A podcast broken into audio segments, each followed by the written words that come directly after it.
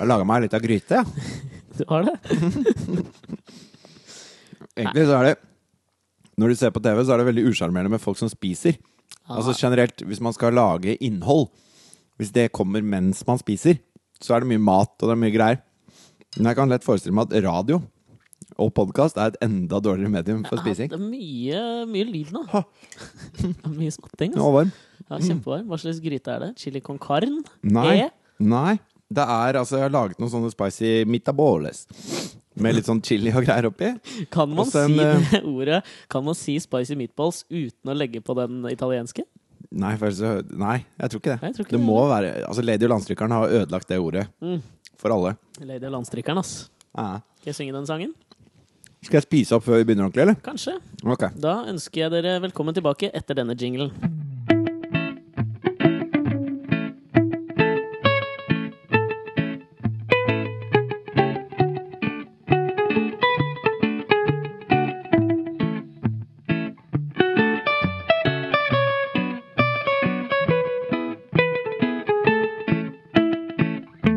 Velkommen til Alex og Fritjofs podkast. Nå er jeg mett. Jeg er nydusja. Jeg har klippa meg.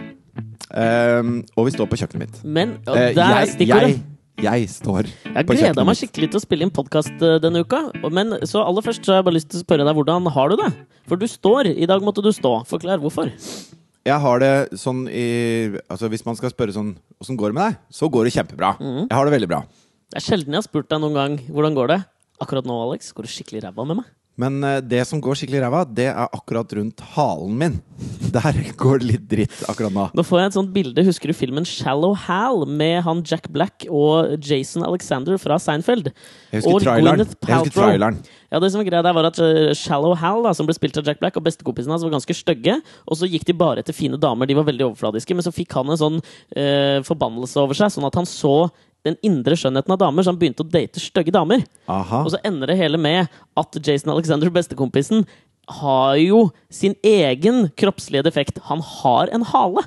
Og den er, det er et veldig ekkelt syn i filmen, husker jeg. Men det er folk som altså nå, eh, det, det jeg sa i sted om den halen min, det er jo fordi jeg har, jeg har rett og slett fått jæskla kink i ryggen. Ja, det er sånn gammelmannsgreie, ass. Nei, jeg har hatt det veldig Altså, jeg har hatt det i mange år.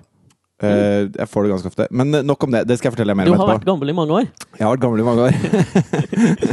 Men eh, det jeg skulle si om Shallow Hal, det er jo at det er, det er en slags motsatt fortelling av livet mitt. Det.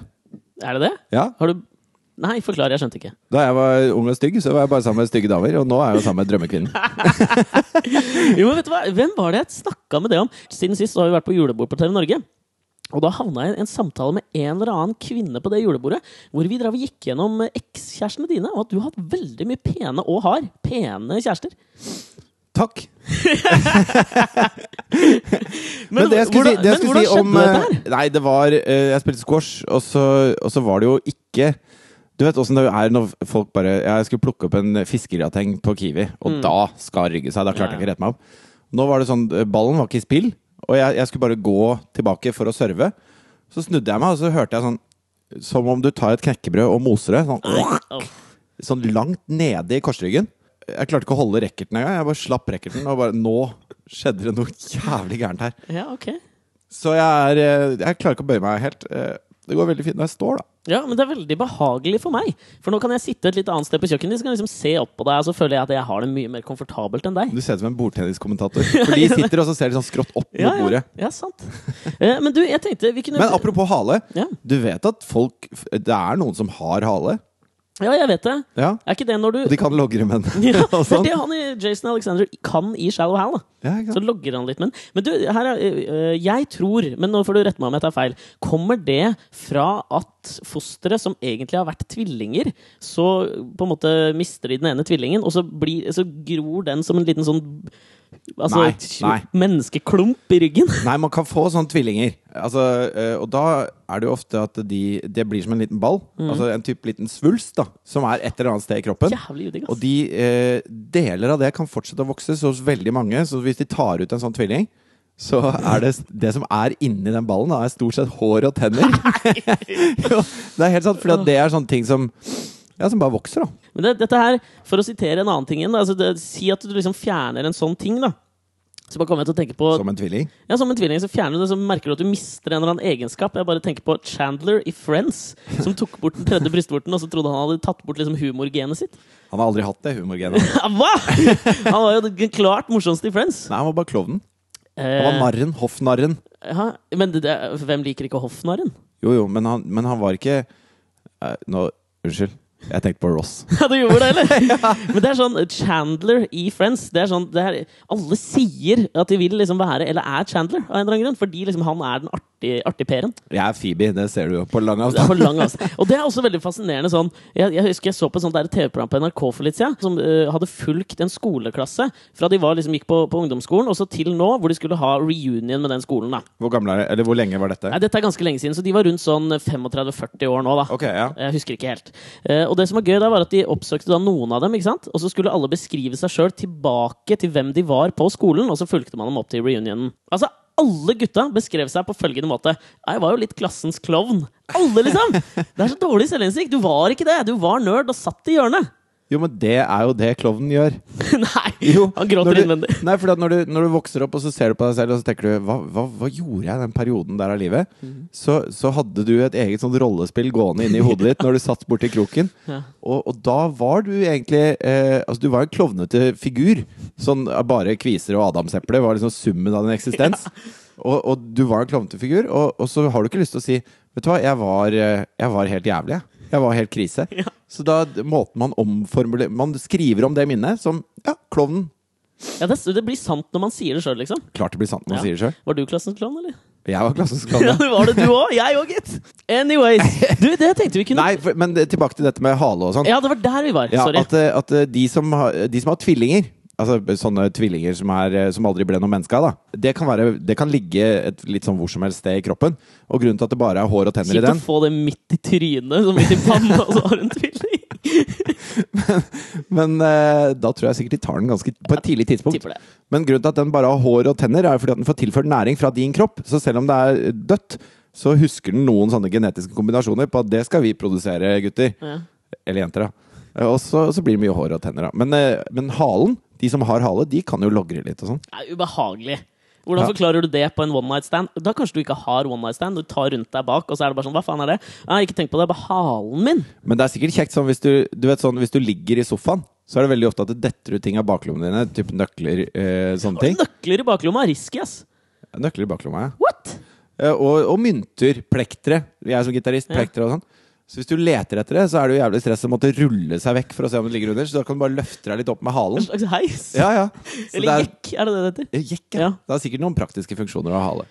Nok om hale. Ja, du, det jeg tenkte at vi kan kile litt og tise litt med, sånn eh, at vi skal gjøre på slutten av denne podkasten, er at vi hadde jo Vi lanserte en konkurranse i forrige ukes podkast, og vi har kåra en vinner, men jeg tenker vi sparer det helt til slutt, sånn at vi drar dramaturgien ut og spenningen ut, og så Så får de neste, de neste 40 minuttene, kjære lyttere, er dere alle vinnere.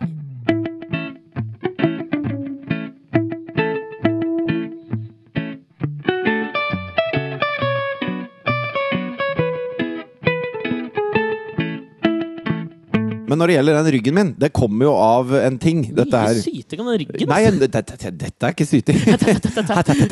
Og hvem, eh, hvem tenker du på? Jeg tenker på kokken vi hadde med på Game for landet. Frode?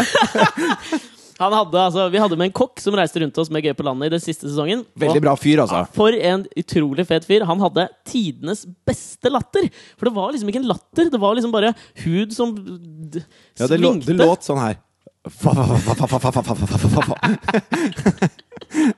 Og det verste var at Thea da, på fem hun kom jo av og til på besøk, og hun hørte jo oss snakke om Frode. Ja, vi så kan- hun begynte å kalle ham for Fa-Fa-Frode. det syns jeg er veldig gøy. Han, fa, fa, Men fa, Frode. uansett. Uansett. Eh, fordi jeg, spil, jeg spilte jo med Madcon, og for noen år siden så var vi og spilte på rock i Bodø. Bodø har liksom blitt litt sånn musikk Har det tatt over litt for Bergen, eller? Jeg bare Sirkus Eliassen, Kråkesølv Kommer ikke på noen flere, trekker tilbake alt jeg sa. Men uh, uansett så, så var vi der og spilte, og så klarte jo jeg å, å stagedive. Igjen! Vi har jo fortalt ganger. en stagedive-historie før, i Sveits eller noe sånt. Men dette er jo noe jeg, noe jeg driver litt med. Uh, og det, denne gangen så gikk det jo også veldig bra. Så jeg lå oppå publikum og spilte gitar og alt mulig, og publikum syntes dette var veldig stas, og sendte meg bakover, sånn at alle i salen skulle få kjenne litt på meg, da. Okay. Kan jeg bare skyte inn noen spørsmål? For Jeg er veldig glad for at du tok opp dette. her Ja. Rart nok så har jeg notert meg ned at jeg hadde noen spørsmål til deg om stage diving. Ok, Skal vi ta de før eller etter historien? Ta, ok, ta historien, da, så kanskje Ja. jeg får svar på noen underveis. Så jeg blir i hvert fall sendt litt rundt mens jeg spiller, og det er stas, og alle jubler, og alle syns det er gøy med stagediving. Men da må du ha hatt sånn trådløs greie på gitaren. Da, sånn ikke, Det har jeg. Ja. Det har jeg. Det, sånn, man må ha liksom stagedive-effektene i orden. Ja. Så ender det med at de sender meg så langt bakover at jeg kommer under der hvor balkongen er. Eh, og til slutt så si er det var, at du var utenfor, liksom. Ja, til slutt er det bare ikke mer mennesker. Så han siste som står og digger, da, han sender meg bakover ut i løse lufta. Nei! Så jeg detter liksom helt flatt på ryggen ned på betong fra to meter. Nei! Og fikk jo tidenes eh, kank i ryggen. Og den slås opp av og til. Og det, Det var det den er som ble slått opp nå? Ja, litt, altså. Det, Kan man fakturere Madcon for det sånn i etterkant? ja, jeg tror det. Men tror du ikke Madcon har en eller annen sånn der, slags form for sykelønnsordning innenfor det bandet? Tror ikke det, ass! Nei, jeg tror ikke det. Eh, Og altså, hvis jeg fakturerer Chavel Josef, de kommer sikkert til å si ja og bare betale litt. Men jeg må Peter liksom gå via Peters. Peter Peters. Og han er ikke en fyr som bare sier ja og betaler litt. Tror ikke det, ass. Nei. Skal jeg slenge litt dritt om Peters? eller? Ja, takk. For når jeg, vi, vi var og spilte i Danmark, og så er det sånn du får Altså, du, Du, får vi, en liten altså, skal vi bare sette han Peter Peters først, for de som ikke Ja. vet hvem er? Han er, Hva har du på Peter Peters? Altså, han er manageren til Madcon. Og så var han også dommer i Var det X-Faktor, eller? Det var X-faktor. X-Faktor, så satt han sammen med Mira Craig og Jan Fredrik Karlsen var dommer der, så da ble han et litt sånn kjent fjes. Ja. Er ikke han også sammen med hun bloggeren Jo, han er sammen med Camilla Pil? Camilla Pil, ja. Ja. Peters er eh, en veldig hyggelig fyr, men han er også veldig forretningsmann. Eh, selv om han ikke er forretningsmann. Han, er, han hadde veldig flaks og, og var manager for kompisene sine, og så slo de veldig an. Ja, men det er så jævla altså, Det er sånn typisk greie som jeg tror jævla mange rappere gjør feil, Fed. Jeg så på den derre Uh, serien om han Kave, han nye 18 år gamle rapperen som kommer fram nå. Tenker du på Tjave? Nei, Kave. uh, og han også, da. Han er jo i startgropa nå, og så har de laget en sånn serie på NRK, en dokumentarserie. Den var veldig bra, anbefaler alle å se den. Uh, med hans syv steg mot toppen. Og der er også, ikke sant Når jeg ser med en gang, så kommer liksom kompisen hans inn, som het uh, Josef eller Jave eller noe sånt nå, som er bestekompis, og så skal han bare være manager. Kave og pose. Ja, sorry, nå hørtes jeg veldig teit ut. Men jeg tror det er en stor tabbe de gjør, da, for de har jo ikke, de har jo ikke noe å komme med, de. Men på, én en måte så syns jeg det er veldig bra. Fordi at eh, da, da er man en gjeng som lager noe sammen, og så høster man fruktene av det man har laget. Altså de folka som har vært managerne deres lenge før de begynte å tjene penger, de har liksom sagt dette her tror jeg på, jeg har lyst til å være med dere og gutse og se hva jeg kan gjøre for å hjelpe til. Og sånn. Og da er det veldig bra at man har tro mot det og fortsetter med det, og ikke går til en sånn derre en sånn sleazy 50 år gammel fyr som bare sitter og får alt som er ferdigutvikla, og det eneste han gjør, er å ta telefonen når noen ringer, for det fortjener han ikke de millionene for. Tenk! Ja, du har helt rett. Nå er jeg two-faced og sier jeg trekker det tilbake. Kjempebra at Så man sånn fordeler sett verdiene. syns jeg det er veldig bra at Peters fortsatt er manageren til uh, Chavo Josef. Mm. Men så er han så gnien! Og det er hans liksom forse i, i managerverdenen. Ja. Jeg vet ikke om jeg kan si det Ja, kom igjen! Vi var og spilte i Danmark, og så er det veldig Når du er frilansmusiker, så får du da eh, kost og losji. Og reise, selvfølgelig. Du betaler jo ikke reisen sjøl. Og så får du en sum per spillejobb. Mm. Og så uh, Hva ligger det på for en gitarist? Altså eh, tre, tre og et halvt. Det er ikke ish. mer, ass! Nei. Struggling musicians. Jeg skjønner. Men det er klart, gjør du 200 jobber i året, så er det fint, det. Ja, ja, ja, ja, men hvem orker det? Det er en del som gjør det. Ja, ok. Det er det som er å være frilansmusiker. Det suger, ass! Nei, det er jo veldig gøy. Men, eh, men det er ikke noe man holder på med Altså, Det er ikke så mange 60-årige frilansgitarister der ute. Skjønner. si sånn. Hva gjorde Peters i Kjøben? Han nekta oss uh, penger til mat. Han sa det må Hva? vi betale sjøl. Og så ble, gikk det litt sånn faen i meg, da. så jeg fakturerte den der jævla, det ene jævla måltidet der nede. De 220 kronene, liksom. Og da ringte han meg liksom fly forbanna. Og Sånne folk som deg kan vi ikke jobbe med, og sånn. Og jeg bare Nei, vet du hva, da er det greit, hvis du er så jævla smålig. Ehm, og så strøk jeg da fakturaen. Ja, du gjorde det! I feiging! Ah. Ja, du gjorde det bare for å få lov å være med på eventyr og Madcon? Ja. Det var et jævla eventyr. Ja, jeg skjønner Det var det kjempegøy. godt, ass. Her står jeg med en ryggskade. Takk skal du ha, Madcon!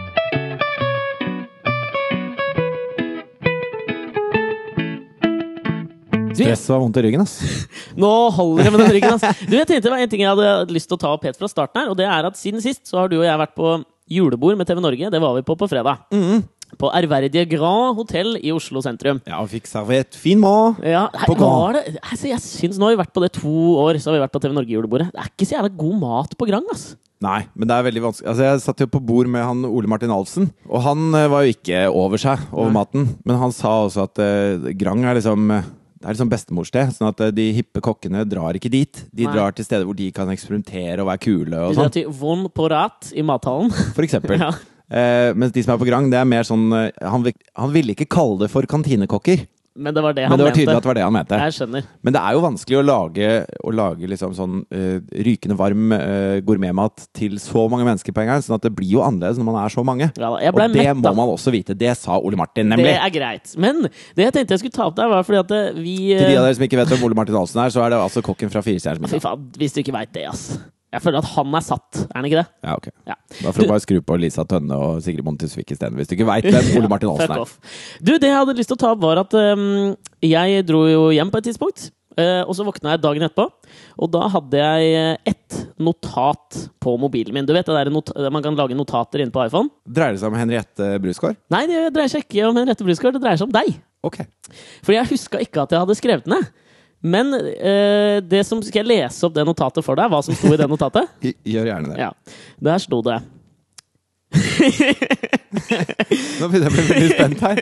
Og litt redd. Ja, men Da har jeg tydeligvis tenkt da i løpet av kvelden at dette her må vi prate om i podkast. Ja, Men så er jeg litt usikker på hva det er for noe.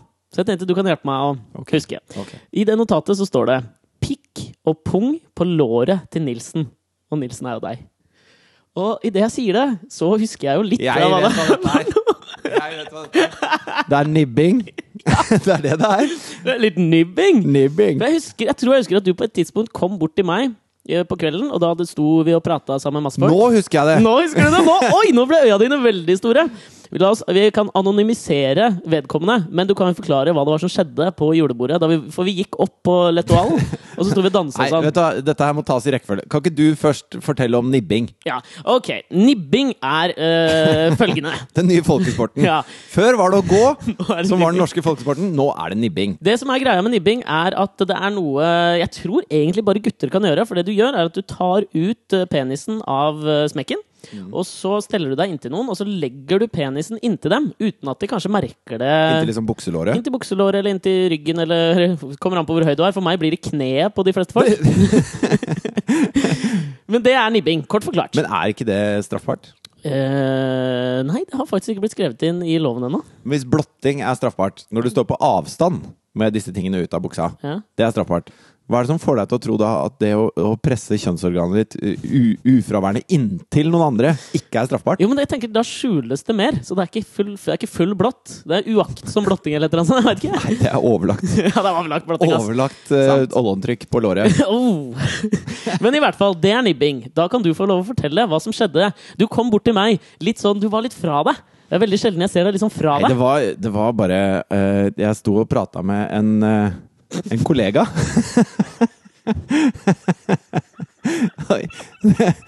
Som uh, som, uh, Nå tror jeg jeg spruta kaffe inn i mikken. som vi jobber med eh, av og til. Eh, og, så, og så sto vi og prata, og så var det høy musikk, da, vet du, så han sto ganske nærme. Og så kjente jeg da gjennom dressbuksa eh, Dressbukser er tynne, ass! Ja, dressbukser er veldig tynne, og det var også hans dressbukse. Så kjente jeg da en sånn, eh, altså sånn hvor du tydelig, som en sånn banan nedover, og to mandariner på hver side, kjenner liksom cock and balls mot låret. Sånn veldig, veldig stort. Men klarte det sto så tett at liksom altså For jeg tenker at det som kommer til å For han var midt i en historie, ikke sant? så han lente seg nærmere og nærmere, og så var det jo, men jeg tenker at Pikken blir jo en slags sånn pute for at ballene treffer. For hvis, du, hvis ballene Ja. treffer på Hvis de blir bretta på hver sin side av penis inn mot lår, da lener du deg mot noen, ass! Altså det, jeg skal ikke uttale meg om hvordan han ser ut nedentil, men jeg kan uttale meg om hvordan han føles. Men det var, det var litt mye. Det var veldig intimt. Det var en, og det- er også grunnen til at jeg mener nibbing bør være straffbart, hvis okay. du driver med det. Jeg Jeg vet at at du har drevet med det. Nei! Jo, okay, jeg vet at du har gjort det én gang. Ja. Nibbing! Nibbing! Alt høres bedre ut på sørlandsk!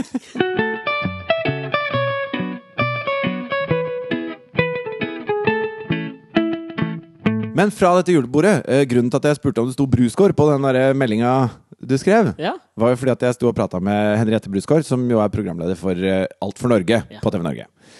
Og for i 2006 så hadde jeg blitt singel. Dette var en historie jeg fortalte deg da, så nå skal jeg gjenta den for våre kjære lyttere. Ja, gjør det. Som singel da, så, så har jeg alltid hatt en tendens til å dykke litt ned i arbeid isteden. Og da hadde jeg lydstudio ute i Samvika, så jeg jobba der til, he hele tida, egentlig. Bare holdt på med det. Og så, midt på natta, så var jeg sulten. Så jeg gikk bort på Statoil-stasjonen som er rett ved siden av, og kjøpte meg en pølse. Og så sto jeg der litt sånn singel og hadde jobba i 16 timer i strekk aleine. Og spiste en baconpølse, da. det- Hele tilværelsen var litt sånn trist. Og så ser jeg på forsiden av Mann, så er da Henriette Brusgaard i en sånn derre lakk og lær catsuit. Var det i forbindelse med rovdyr, eller? Hun var vel Det kan godt hende. Jeg lurer på da. Det var i hvert fall i 2006. Ja. Og så, og så tenkte jeg sånn Med munnen full av pølse, så tenkte jeg hmm, Ja. Så gikk jeg bort og sto og bladde litt i det, da. Og så har jeg prata noen ganger med Henriette før. Tenker jeg sånn Kanskje Kanskje det er det jeg trenger? Kanskje jeg rett Du trenger litt brusgård? Ja, kanskje det er, jeg trenger henne i catsuit. så dagen etterpå så tok jeg opp telefonen, og så ringte jeg til Henriette. Du er så skamløs, ass! Jeg er jævlig skamløs. Ja. Det er noe av det mer skamløse jeg har gjort, da. Ja, jeg kom på et Også... par-tre andre ting som jeg kan godt ta opp etterpå. ass. Og så ringte jeg, og så var det først litt sånn Hei, hei, åssen går det? Og ja, takk for sist, og det var hyggelig, og bla, bla. Og så tok jeg mot til meg og så spurte jeg om hun hadde lyst til å være med eh, ut og ta en øl, da. En dag. Og så sa hun ja, tenker du på sånn eh, liksom en date, eller? Ja, ja, en date, da. Ja. Og så sa hun at hun hadde kjæreste, da. Og da, da bommer jo den samtalen veldig, så da blir jeg veldig flau. Og nei, unnskyld, det var ikke meningen. Og Mm. håper han er en hyggelig fyr. Og du, jeg må forresten ste Da ringer han av telefonen. Altså, må legge på litt fort, da. Skal jeg si deg hvem hun var sammen med da? Hun var Ja. sammen med Morten Stokstad, tidligere VG-journalist, sportsjournalist, som nå er sånn eh, sportsjournalist i TV 2. Broren til Marte Stokstad, halvbroren til Anne Rimmen. Bare fortsett. Aha. Mm. Så på en måte var hun sammen med Ailo Gaup, Ja, på en eller annen måte. som er sammen med Anne Rimmen nå. Yes, sir.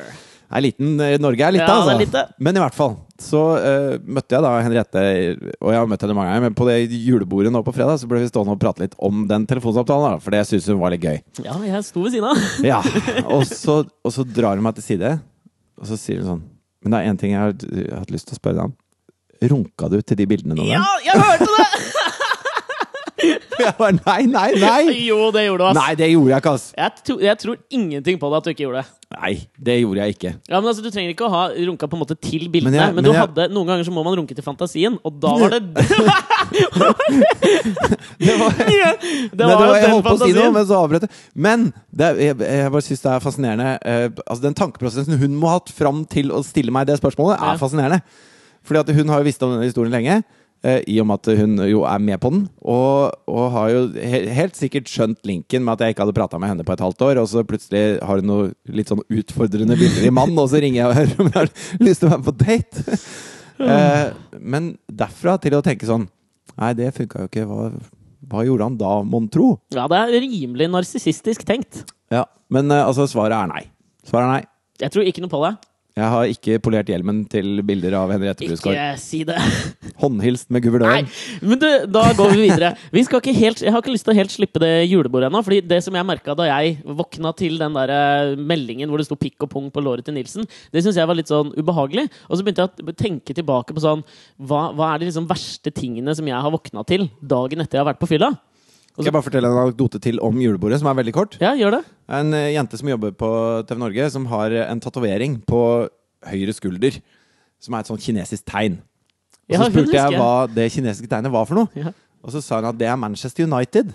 Og det syns jeg var veldig festlig, for det er jo ikke så ofte man tar det. Altså Jeg tenkte at det sto kjærlighet, eller Love. Akkurat sånn som for, sånn folk som skriver på veggen hjemme. er så jævlig irriterende. Sånn som har de der love, home, family, hope. Fy faen, det, er må veldig dere sånn. slutte med. Men også, også vel det står ikke Manchester United, liksom. Ett tegn. Altså et tegn. Så økonomisk og effektiv er ikke kineserne. Og Altså. det er veldig effektivt. Altså, et tegn kan være et ord. Eller Jo, men, ord. nei, ikke Jo. Manchester United. Jo, jo. Ok. Nei, nei, nei. Nei. Fordi det jeg gjorde Jeg trodde så lite på henne at eh, når jeg sto i baren og skulle hente en drink, så, så googla jeg Manchester United in Chinese writing. Ja. Og det er jo faen meg en setning lang som et vondt år. Ikke sant? Og så gikk jeg bort til henne og så sa jeg, men det står jo ikke Manchester United, for her står det Manchester United. Og da ble hun For da tenkte jeg hun skulle si ja, ok, da. Det er kjærlighet. Men da ble hun likblek, da. Nei. Jo, så jeg, hun var overbevist om at det sto Manchester United. Tar du livsløgnen fra et gjennomsnittsmenneske, tar du gleden fra det med det samme. Ja, og jeg har Skrev videre. Henrik Ibsen. Vet du hva det sto? Nei.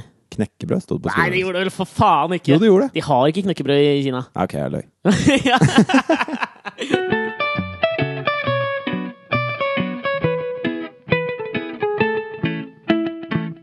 Men la meg komme da tilbake til det verste man har våkna til etter å ha vært på fylla.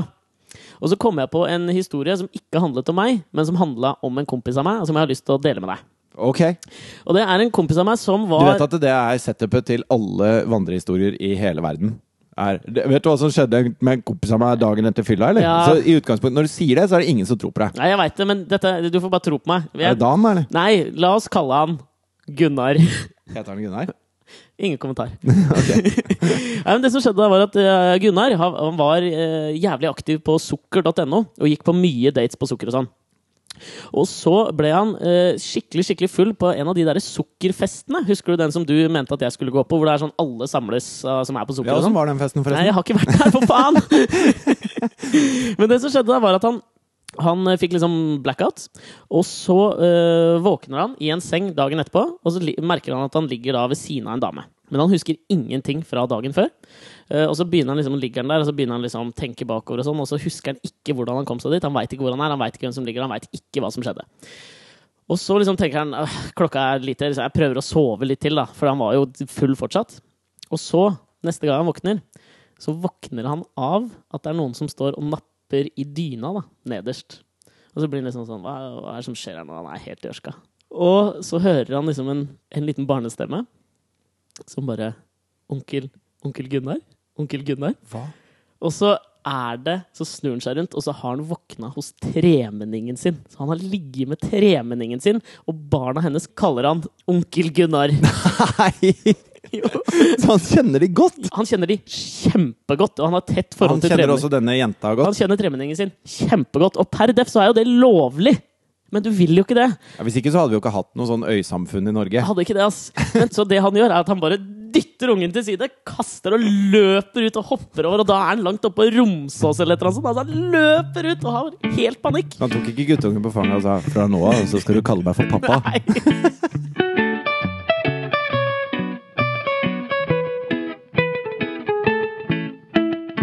Det er noe jeg lo utrolig godt av. Det er ikke så ofte jeg ligger aleine på sofaen og får sånn derre Sånn boblende, eh, deilig latter. Ja, samme her. Sjelden jeg ler aleine. Da var det Kystverket som hadde bestilt to kaker som det skulle stå 'God jul' på.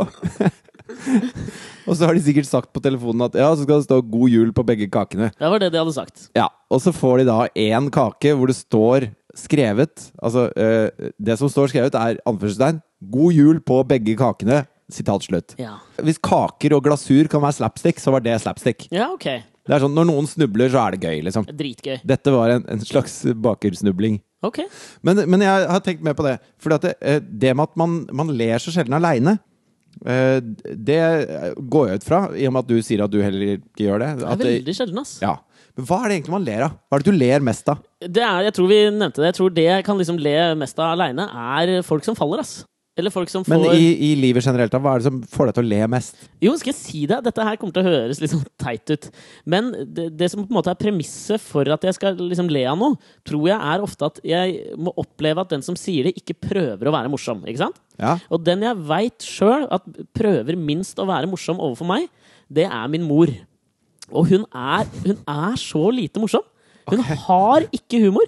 Og når hun bare er seg sjøl, på en måte, da ler jeg høyt, Jeg ass. syns det er morsomt bare når du forteller om det. Fordi at det, Sånn som når vi lager podkast, da, Mm. så girer vi hverandre opp. Og så, og så ler jeg ler veldig mye i løpet av den timen vi driver og, og spiller en podkast. Ja, er ler jeg veldig mye. Mer enn når jeg bare er sammen med deg. Ofte. Og det har ikke noe med deg å gjøre, men det er bare altså, situasjonen gjør at man girer hverandre opp. Og så eh, kom jeg over en artig artikkel her hvor de har funnet ut at rotter de ler veldig mye. Ok. Fordi at eh, de har jo så... det, da må jeg bare anbefale folk å gå inn og se på en video på YouTube. Og bare Apropos dyr som ler. ja. Det er en jævlig morsom video på YouTube. Hvis du søker på turkeys og laughter eller noe sånt, Ja. så er det en fyr som kjører opp til en sånn farm med er kalkuner. Og så sier han sånn goble, goble, og så svarer alle sammen sånn latter. Sånn enormt brus! Det er helt stille, og Ja. bare Og alle bare Du, den må vi spille av her nå. Okay. Vi spiller av den.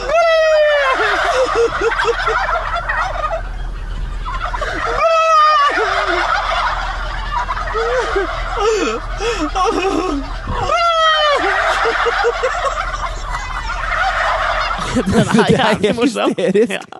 Men, Men ja, rotter. Jo, rotter har så høypitch stemmer da, at det er vanskelig for mennesker å høre. Er det bare hunder som hører dem? Ja, for eksempel. De hører da eh, ultralyd, som det heter. Tror jeg. Nå Nei, det er ikke ikke ultralyd! Jo, jo, jo! Megalyd! Sonisk, er det det det heter? Supersonisk. Supersonisk. Ja, det er fall Uansett. det er, det er i hvert fall så ø, høye svingninger at våre ø, Det er så, så hyppige svingninger, så høyt i hertz, Ja. at våre ører kan ikke oppfatte det. Okay. Så det er noen forskere som har tatt opp de lydene rotter lager.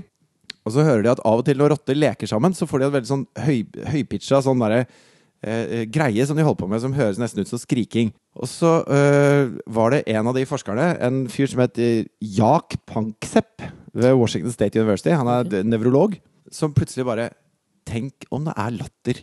Og så gikk han inn, og så kilte han en av de rottene. Hvor den rotta fikk helt lættis. Og så prøvde han det med mange rotter, og alle bare lo så de skreik da når han Hvordan veit du hvor du skal kile rotta? Det er på magen, da, for han ser på hvordan de leker. ikke sant? Ja, skjønner. Og så etter hvert, når han hadde drevet med dette en stund, så begynte de å le bare han kom inn døra. Nei! Jo, jo, Ikke når de andre kom inn, men når han kom inn, så fikk rottene helt lættis. Jo, men det er Og sånn, så- Ekvivalenten til det er jo at det er veldig få komikere i Norge, men noen har det, hvor de bare kan gå ut på scenen, og folk begynner å le. Ja, Hvis du skal være standuper, så må du være sånn at folk i utgangspunktet forventer seg at du er morsom. Ja. Du klarer ikke å snu en hostile crowd Nei, ikke sant? når du er standuper. Jeg mener bare Så han hele, hele jobben din som standuper består i å lage det bildet av deg sjøl som gjør at du klarer å være morsom, da, som gjør at folk er med på laget, liksom. En som jeg er veldig med på laget med der, vet du om det er? Det er han eh, Magnus Devold, som er assistenten, Ja, tydeligvis. han er han, kan gå ut på en scene. Jeg ler når jeg ser han. Han har noe Leif Justersk over seg. Ja. Men sorry, fortsett. Jo, eh, og så har de også da For rotter har jo litt kortere livssyklus enn mennesker. Mm. Så de har da funnet ut at rotter som blir kilt mye som barn, de ler mer som voksne. Og de lever lenger òg, eller? Nei, det, det står ikke noe om her. Ja, okay. Men- jeg følte at du bygga det som veldig Jo, men bare at eh, hvis du blir kilt mye som barn, så, le, så har du et lykkeligere liv Altså, de ler mer. De har det gøyalere og bedre. Men den derre helt sånn ufrivillige sånn 'nå blir du kilt'-latteren, Mm. som ikke nødvendigvis trenger å komme av å bli kilt, da, men du vet når du får latterkrampe, så er det ofte et eller annet helt teit. Mm. Jeg så det vakreste eksempelet på det noensinne, Ok. som er altså i en T-banevogn. Hvor Ja. Har du sett I det? Frankrike. I Frankrike. Ja. Det er så vakkert, hvor det er en dame som står og leser en tekstmelding, og så begynner hun å le. Og, og så ler hun, og så skjønner hun at det er litt sånn upassende å le her. Og hun kjenner ingen andre i den vogna. Eh, Og fordi det er så upassende, så klarer hun ikke helt å stoppe, så hun fortsetter. Så begynner en annen dame rett overfor henne å le, og så bare sprer det seg. Så i tre minutter så utveksler de ikke ett ord. Det er ingen som prater i den vogna, men hele T-banevogna får latterkrampe. Og det er så deilig! Det var det alt jeg ville si! Det er Jo, så deilig med latter! ja, jeg er helt enig, men jeg så også den videoen. Ja. Og så uh, tenker jeg at uh, Nummer én så tenker jo jeg at selvfølgelig at det var planlagt, men who cares? Det var veldig, veldig fint. Men jeg fikk så Men det er ditt eh, kyniske nydumpa jeg som kicker inn der. Men det som jeg fikk så vondt av da jeg så på den videoen, er at de stopper jo på en stasjon, ikke sant? Ja. I løpet av videoen. Og da kommer det en fyr gående inn, midt i latteren. Og du ser på han at han tror at de ler av han! Så han går liksom nedover i vogna og prøver å stille seg. Han, han skjønner jo ikke greia. Jeg fikk så vondt av han at jeg klarte ikke å le med. Empatisk, eh, empatisk jævel, jeg. Ja, kynisk og empatisk. Du er, en, du er et kinderegg av et menneske.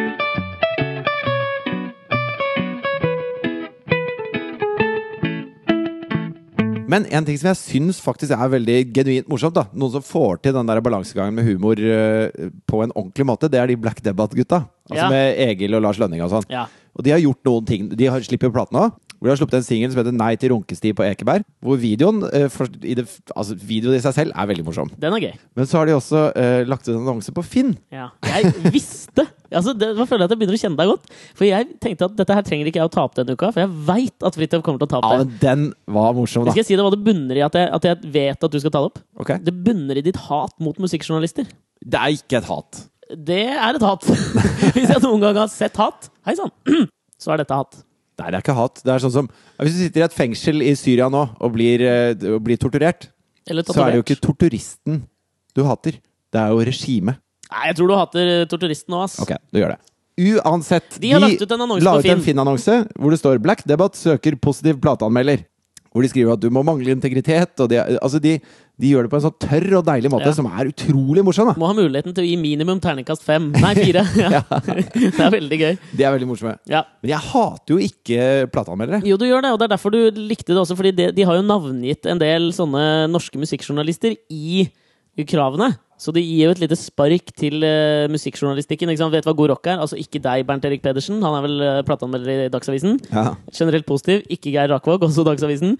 Ikke fokusere på seg selv i anmeldelsen. Ikke deg, Thomas Talseth, anmelder i VG. Har et snev av kunnskap om noe som helst. Ikke Anders Grønneberg. Den siste er vond, ass! Å bli navngitt på den. Ja, den er jævla vond. Var det ikke Anders Grønneberg? Jeg tror det var Anders Grønneberg som skrev da Alejandro Fuentes røyk ut av Idol da han var med i Idol. Så Ja. skrev han en sånn festskrift i Dagbladet til forsvar for hvor, hvorfor Alejandro Fuentes skulle liksom ha vunnet hele greiene. Og det syns jeg var rimelig vondt å lese. ass. Ja. Apropos det, så skrev også Det var det samme jeg fikk en vibe igjen da han Joakim Lund i Aftenposten, som jo er jo egentlig Han syns jeg er jævla flink. Han skrev også en sånn festskrift da hun Tuva tapte denne her eh, Stjernekamp. Ja. Man må bare roe seg ned litt, tenker jeg. Når man har lulla seg inn i den der liksom-virkeligheten som er de der showene. Når man bare slappe av. Det gjør ikke noe om Rita Eriksen eller Tuva faen vinner det programmet. Hun er artist fra før. Slapp helt av, liksom. ja.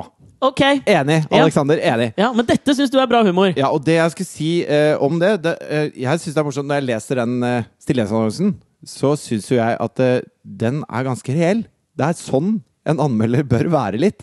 Fordi man må Altså, eh, de som eh, Grunnfunksjonen til en anmelder må jo bestå i at de skal anmelde plater, sånn at eh, folk som eventuelt liker den musikken, eller, eller liker sånn musikk, men kanskje det bandet ikke er så bra, de skal få en slags, eh, et hint da, om de må gå og kjøpe den plata eller ikke. Jo, men kanskje også folk som ikke liker den type musikk, tenker jeg. Det skal jo være Jo, men du skal, du skal på en måte Hvis du skal eh, anmelde en rockeplate, da, si, og du ikke liker rock, sånn at du ikke skjønner hvorfor de som liker rock, vanligvis går og kjøper en plate, Det er sant. så, så bæsjer du litt på leggen hvis det er du som skal anmelde den plata, for at da er det ikke deg dette er sikta mot. Og de som skal kjøpe plata, er jo de det er sikta mot. Sånn at man må i utgangspunktet ha en slags innstilling at nå skal jeg se om jeg kan finne et eller annet bra som jeg kan fortelle noen andre om. For at da har anmelderjobben en funksjon. Da. Da, da hjelper den folk med å navigere i et veldig tettpakka marked. Men anmelderyrket har utvikla seg derfra til å bli et yrke hvor man fremmer seg selv veldig stort, à la Thomas Talseth f.eks., som det sto i, på, på deres hjemmesider her. Eh, og, og de bruker De leter vel så mye etter ting de kan rakke ned på for å fremme sin egen person. Snarere enn å hjelpe folk med å navigere i musikkverdenen, som jo må være utgangspunktet for det yrket, tenker jeg. Ja, men jeg, jeg tror du, tror de går det. mye mer inn i en slags humorfunksjon, hvor humoren er ungdomsskole, pisse på andres jobb-type greie, snarere enn å ha en journalistisk eh, funksjon, da. Jo, men Tror du det der eh, handler om en slags sånn modningsprosess som anmelder? For jeg tror det er, det er- er heller flere unge anmeldere, tror jeg. da, her er min te Nå har jeg en tese rundt dette. Få høre tesen din. Jeg tror det er flere unge anmeldere som har et behov for å markere seg. Type sånn, De har en anmelder i VG som heter Sandeep, tror jeg. Sandeep Singh. Som anmeldte Erik og Chris sin nye låt. Og si hva du vil om Erik og Chris, men han ga den da terningkast 1. En sånn fryktelig slakt à la type Natt og Dag-anmeldelsen til Anne Grete Preus, hvor det bare sto 'hold kjeft, drittkjerring'.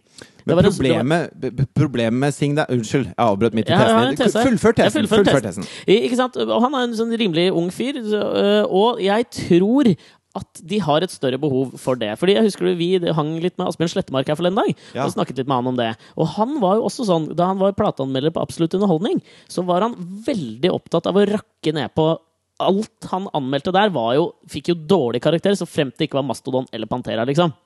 Eh, og jeg, jeg tror det handler om at når du blir litt eldre Jeg er ennå ikke blitt så gammel, jeg bryr meg fortsatt om det der.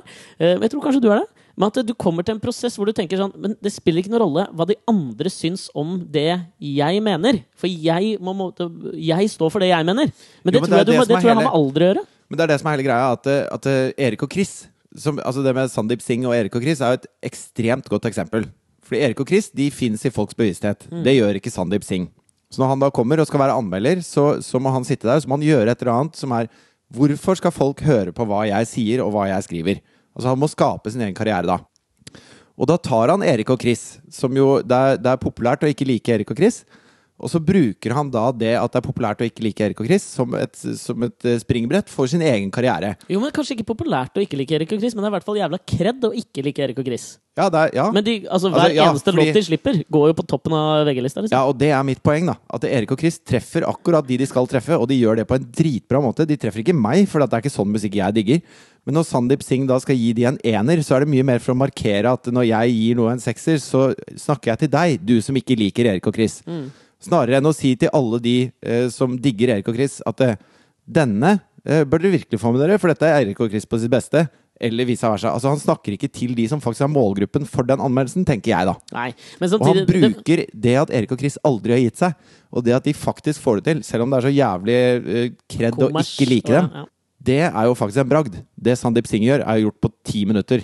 Ja da, men altså, det som man skal være litt sånn forsiktig med, tror jeg også, er å liksom avskrive hele den derre eh, objektive altså, i gåsetegn da, vurderingen av en eller annen sånn kvalitet. For man må ikke ta det helt bort heller. Det er jo noen sånne objektive kriterier man kan høre på i forskjellige sjangere og sånn. Jo, men det er jo, jo det Men den, det brukes jo ikke i det hele tatt. Det hadde jo vært velkomment Ja, hvis de hadde en slags objektiv innstilling til det. Men du, hvem var det vi, vi prata med her forleden dag? Jeg husker ikke hvem det var som fortalte oss som hadde vært eh, på et eller annet sted sammen med Erik og Chris, hvor de hadde sittet og skrevet en låt. Hvor Erik hadde sittet og skrevet en låt, og så hadde han liksom sånn bare sett opp etter å ha sittet og jobba med teksten i type sånn ti minutter, og sånn sagt dette er altfor smart.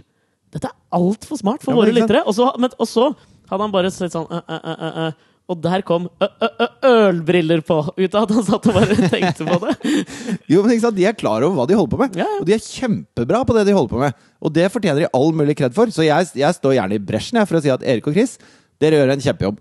Minus Dere det, gjør ikke en jobb jeg vil ha, men dere, for den jobben dere gjør, er råbra. Minus det der med den bilen og Proseccoen, da. Jo, men det er ikke dem. Det er bilmerket Oi, sorry. som prøver å kapitalisere på Erik og Chris sin inngående kjennskap til lavmål og russekultur.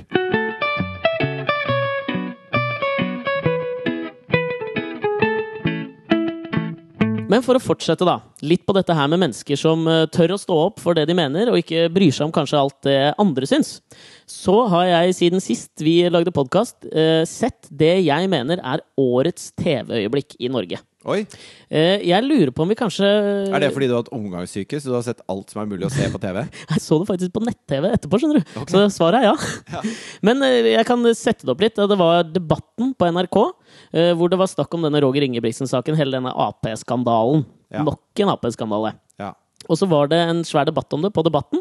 Eh, og der var Altså, blant eh, debattdeltakerne så var Fridtjof Jacobsen, som er kommentator i VG, tidligere vokalist i Glucifer, kjent som Biff Malibu. Han ble Veldig skarp fyr, altså. Ja, han liker jeg, ass! Ja, han er fett. Og nå liker jeg han faen meg enda bedre, ass! Ok. For det som skjer da er at han eh, på et tidspunkt i debatten Han har, han har skrevet en del kommentarer i VG som har vært veldig støttende overfor denne unge jenta som har eh, meldt fra. da. Eh, og så får han et spørsmål med hva han syns. Uh, Ganske sånn midt i debatten.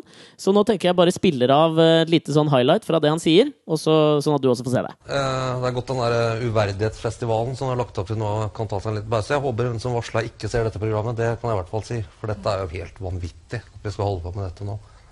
Jeg er, eh, er nesten har lyst til å reise meg og gå. Men uh, poenget er at hun har sagt fram noe uh, som ikke var riktig. Uh, så ble det meddelt offentligheten på fredag. Siden da så har hun i flere dager måttet oppleve at hun er blitt fratatt sin anonymitet. Nå er navnet hennes søkbart på internett i all framtid, og du vil alltid dukke opp denne saken. Det er forskjellen på navnet og at det står fjerdeplass på lista, Hegnar. Det er så enkelt er det. Og det må du vite. Eh, I tillegg så har hun blitt trakassert av folk fra sitt eget parti. Eh, stort sett. Og nå sitter vi her, og det er ikke moro, ikke sant? Ja, men hva men, men, jeg, men jeg spør, hvorfor reagerer du så voldsomt? Altså, Det er mange saker hvor, hvor noen navn blir offentliggjort som ikke ønsker oss videre. Nei, fordi jeg holder med henne. Det er hun som er den svake parten her.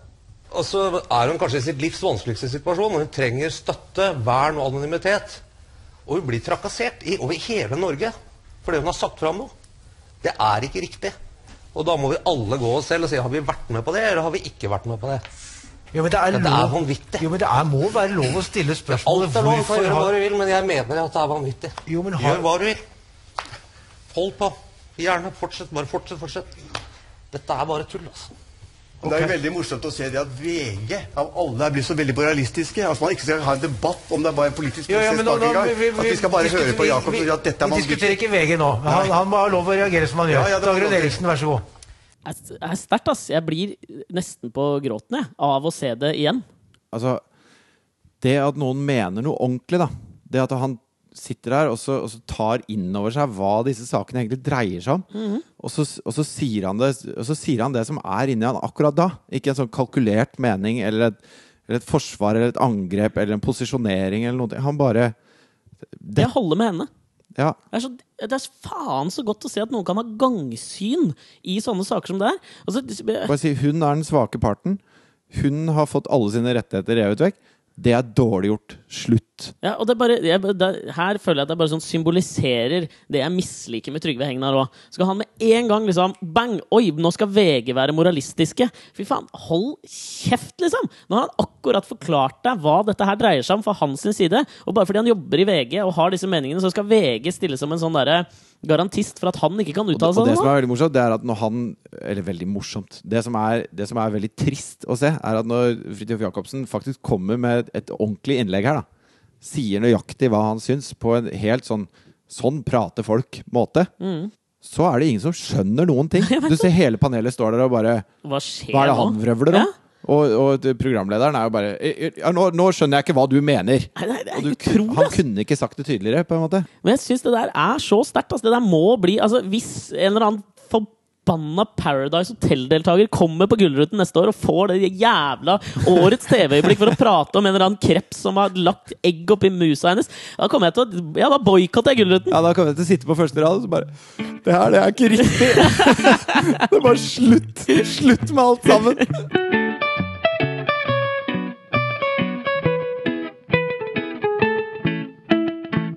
Men du, det jeg hadde lyst til å ta opp denne uka, var Det har vært en sånn svær sak eh, denne uka her, og det var disse to australske radiovertene som ringte en tulletelefon til sykehuset. Der hvor Kate Middleton ligger med ekstreme graviditetssmerter, og utga seg for å være dronningen og prins Charles. Ja. Og så kom de da helt inn til uh, en av de sykepleierne som hadde ansvar for henne, og fikk ut en del informasjon, for de lot som de var henne Ja. og han.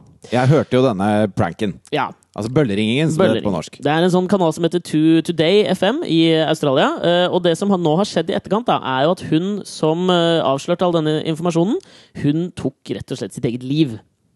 Og som Eh, er ganske heftig. Det er ganske tragisk. Eh, Dette det er mange ting rundt dette her jeg har lyst til å, å, å prate om. Men jeg er bare keen på å høre din eh, umiddelbare eh, reaksjon på det. Hva, hva tenker du om dette? her? Det er jo egentlig litt stygt å si om et menneske som er dødt, men, men eh, jeg syns jo at hun overreagerte litt, kanskje. Ja, definitivt. Det, men hele greia er at det må være lov å tulle litt.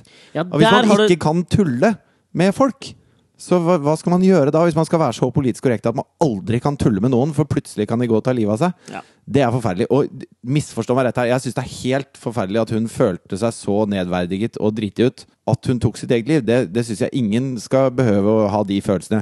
Men noen burde fortalt henne også at uh, dette er en spøk, liksom. Men det som Altså, vi har mobba Gaute Grøtta Grav relativt mye i denne podkasten. Han burde jo ha tatt livet av seg for lenge siden, hvis han var like svart. Han trådte så mye cash på de genserne, vet du. At han Ja. live in large. Hører ikke på podkast, han. Jeg så han på forsida av Se og Hør i dag. Nei, jeg orker ikke å prate om Gaute Han Grøtta. er som en slags liten Mubarak ute på den Det eh, der. Jo, men det som jeg syns er synd med det, er at det, det alltid er feil folk som gjør de overtrampene som får oppmerksomhet i sånne saker som dette her. Men det er veldig synd at eh, bølleringing skal være så stigmatisert, for Ja. det er jo veldig gøy. Ja, men det, det som jeg kom til å tenke på, er at uh, Husker du da det som ble kalt Saxgate i, uh, i England? Da Russell Brand, uh, skuespiller og komiker, og Jonathan Ross, som har sitt eget talkshow, eh, lagde radio Som også er en talefeil. Jonathan Woss. Jonathan Waff.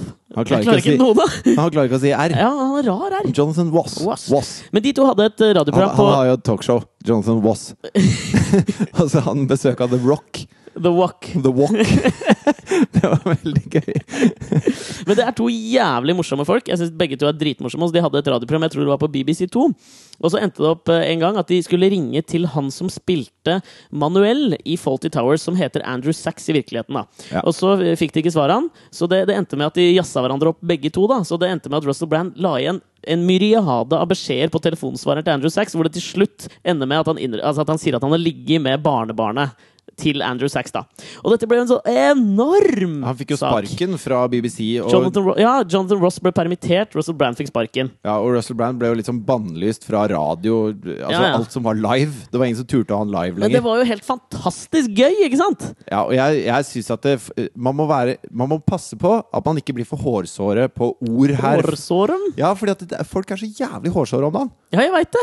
det er litt så, altså, da By og Rønning gjorde den der Grandiosa- Da vet Grandiosa-parodien du hvem som Vet du hvem som dreit ut Grandiosa i den? Det var stabburet! Stabburet, ja! Ja, for Når de pokker. går og sier at det, 'dere mobber kundene våre', det er jo da de sier at det er sånn kundene er. By og Rønning lagde jo et humorshow. Ja, ja. Og hvis man ikke har humor lenger, hva har man da? Har man? Da er det ingenting igjen!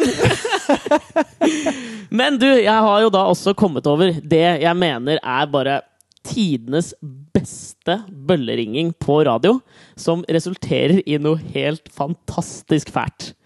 Og det er da en dame som skal ringe til mannen sin. Hun er, hun er innringer på jeg tror det er på et amerikansk talkshow. Så hun innringer på Valentine's Day for å vinne billetter til en Kanye West-konsert. Og så setter de det opp da som at hun må ringe til mannen sin og overbevise han om at han egentlig ikke er faren til deres ni år gamle sønn Logan.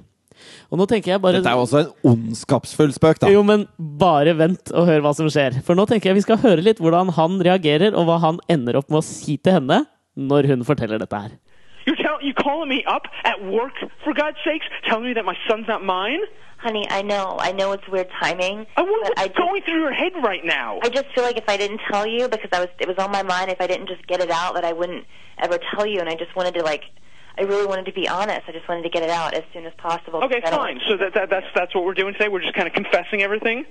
Is that it? I just honey, I'm telling you, it's just been on my mind because I love you and I want I want to be honest with you. You're okay, the man that fine. I love. I'll, I'll be honest with you. You too. I've been sleeping with your sister for the past year. Okay, there. staying with If, that, if that's what we're doing, we're being completely honest. Go ahead, ask her. Call her up. Conference her in right now. Hold, hold, hold, hold, hold on. Hold on, hold on. that, that went horribly wrong. Hold on, hold on. Uh, Hold hold on, Pete. I'm sorry. Who's this? You, you're uh, it's putting Playhouse on uh, WSNX. You, you're on the air, and uh, Andrea's calling you for uh, Kanye West tickets. I'm supposed to prank call you, Pete. Are you serious? Are you, Well, I, I, I'm This is a sorry. joke. I, I don't, I Are don't you serious understand. with me? Pete, just tell me, are you serious, yes or no? I was just joking with you to get Kanye West tickets. Please You were. Tell me that you're just joking. Were you just saying that because you were upset? Oh no. Am I on the radio right now? Oh no. Der snakker vi Frank Call!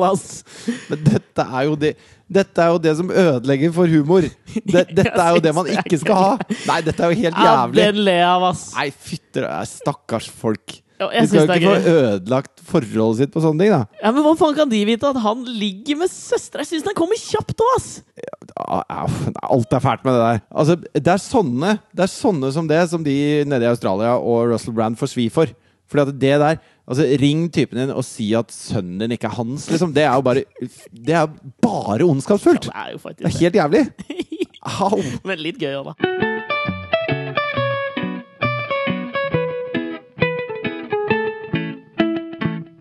Men det er tydelig at de to programlederne for dette radioprogrammet De mangler en helt sånn essensiell empati, for her har de egenhendig ødelagt et ellers helt sånn utmerket fungerende forhold Jo, men- mellom to mennesker som er glad i hverandre og har en sønn. Ja da, men jeg, jeg syns også at man kan skylde noen gang på lytterne. For så, som bare er så tjukke i huet at de ikke skjønner at det er kødd. Det var sånn I 1938 i USA så var det et eh, radioprogram som Du mener at han mannen her var lytteren som burde skjønne at kona hans kødda når hun sa han hadde pult en kompis på jobb? Nei, men du skal alltid, som Fridtjof Nilsen en gang så veldig riktig sa, at når du blir presentert med noe sånn, skal du alltid ta the moral high ground. Han skal ikke si det med en gang! Han må vente. Nei, altså selv om han ligger med søstera hennes, så når hun da innrømmer en feil, Du må ikke innrømme dine egne. Ikke det helt hele tatt! Da leder du jo, ikke sant? Ja, ja, ja. Men jo, det var i 1938 så var det et radioprogram borte i USA da, som, som tenkte at de skulle dramatisere den The War of the Worlds-boka til HG Wells. Så de, så de skulle liksom lage en sånn adapsjon som skulle høres ut som en sånn, eh, et nyhetssending. da. Så de begynte å presentere med at det var sånn derre A flaming object fell from the sky. Og så hadde de en sånn utegående reporter som visstnok så disse aliensene. da, og som liksom reporterte inn og sa sånn Og de hadde falske innringere og sånn ja, også. ja. Og så sa han sånn The face. It's indescribable. I can hardly force myself to keep looking at it. Og det som var problemet her, var jo at folk begynte jo å tro på det. Så altså, nyhetsbyrået Ap måtte jo til slutt sende ut en sånn melding til alle, alle Ja, folk gikk jo ned i bomberommene, Ja, ja. Og, og det var full krise. Det var liksom- og var- NASA ble nedringt!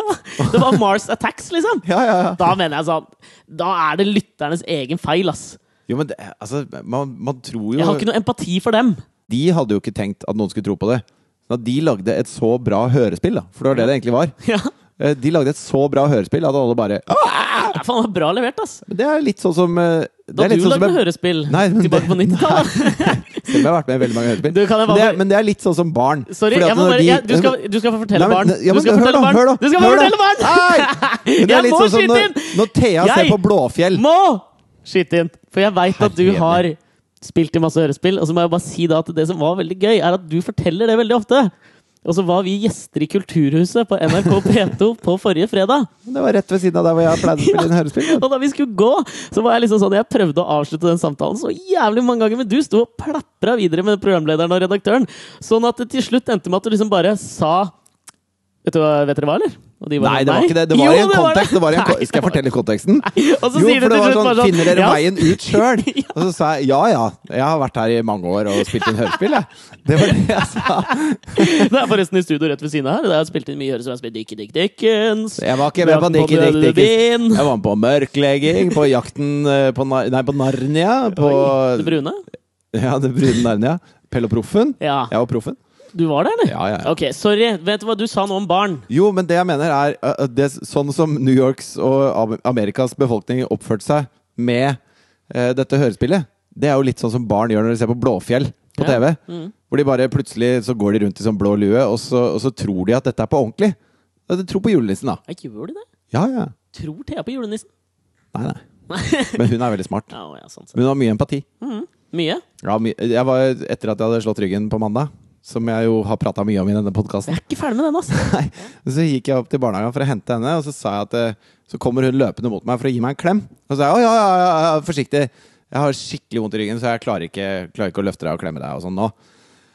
Og så går vi ut, og så sier jeg at hun må ta på skoene selv, for jeg orker ikke bøye meg og sånn. Og så går jeg for å hente matpakka hennes, og da, når jeg kommer tilbake, så sitter hun og gråter.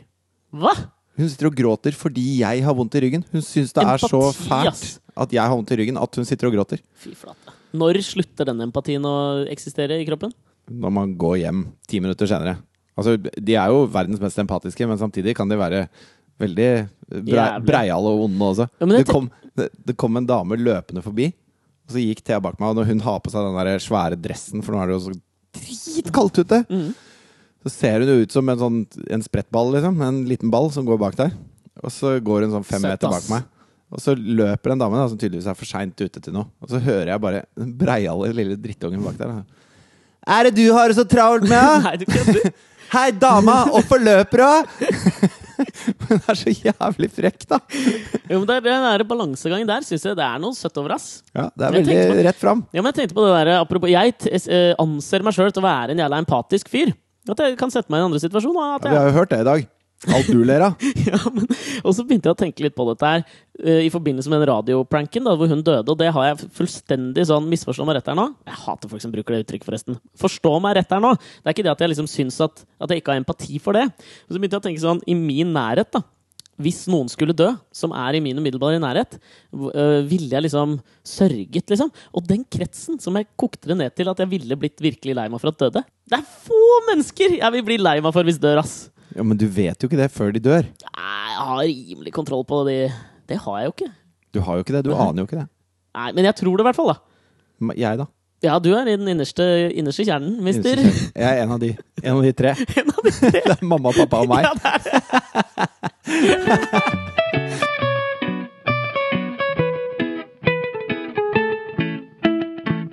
Nei, nå må vi avslutte Nå må vi avslutte. Ja. Skal vi kåre vinner av konkurransen? Vi må kåre vinner av konkurransen. Yes. Vi har fått inn masse svar, men de måtte jo også begrunne hvorfor. Altså Det riktige svaret var Wenche Knutson. Det var hun som stilte opp naken i podkasten vår og utleverte seg sjøl. Ja. På, på alle måter. Ja. Eh, Kan jeg bare si at vi falt veldig for vinneren. Altså, jeg, jeg falt umiddelbart for denne vinneren. Det var fantastisk. ja, for alle, alle som skrev inn det riktige svaret, måtte også begrunne hvorfor nettopp de skulle vinne. Mm. Og da var det en veldig tydelig vinner for oss. Ja. Skal vi, uh, skal vi si navnet først, eller? Vi sier navnet først. Okay. Den som har vunnet, er Synne Rett. Gratulerer! Synne rett! Fordi uh, det som var greia, var at vi har fått mail av både Synne og moren til Synne.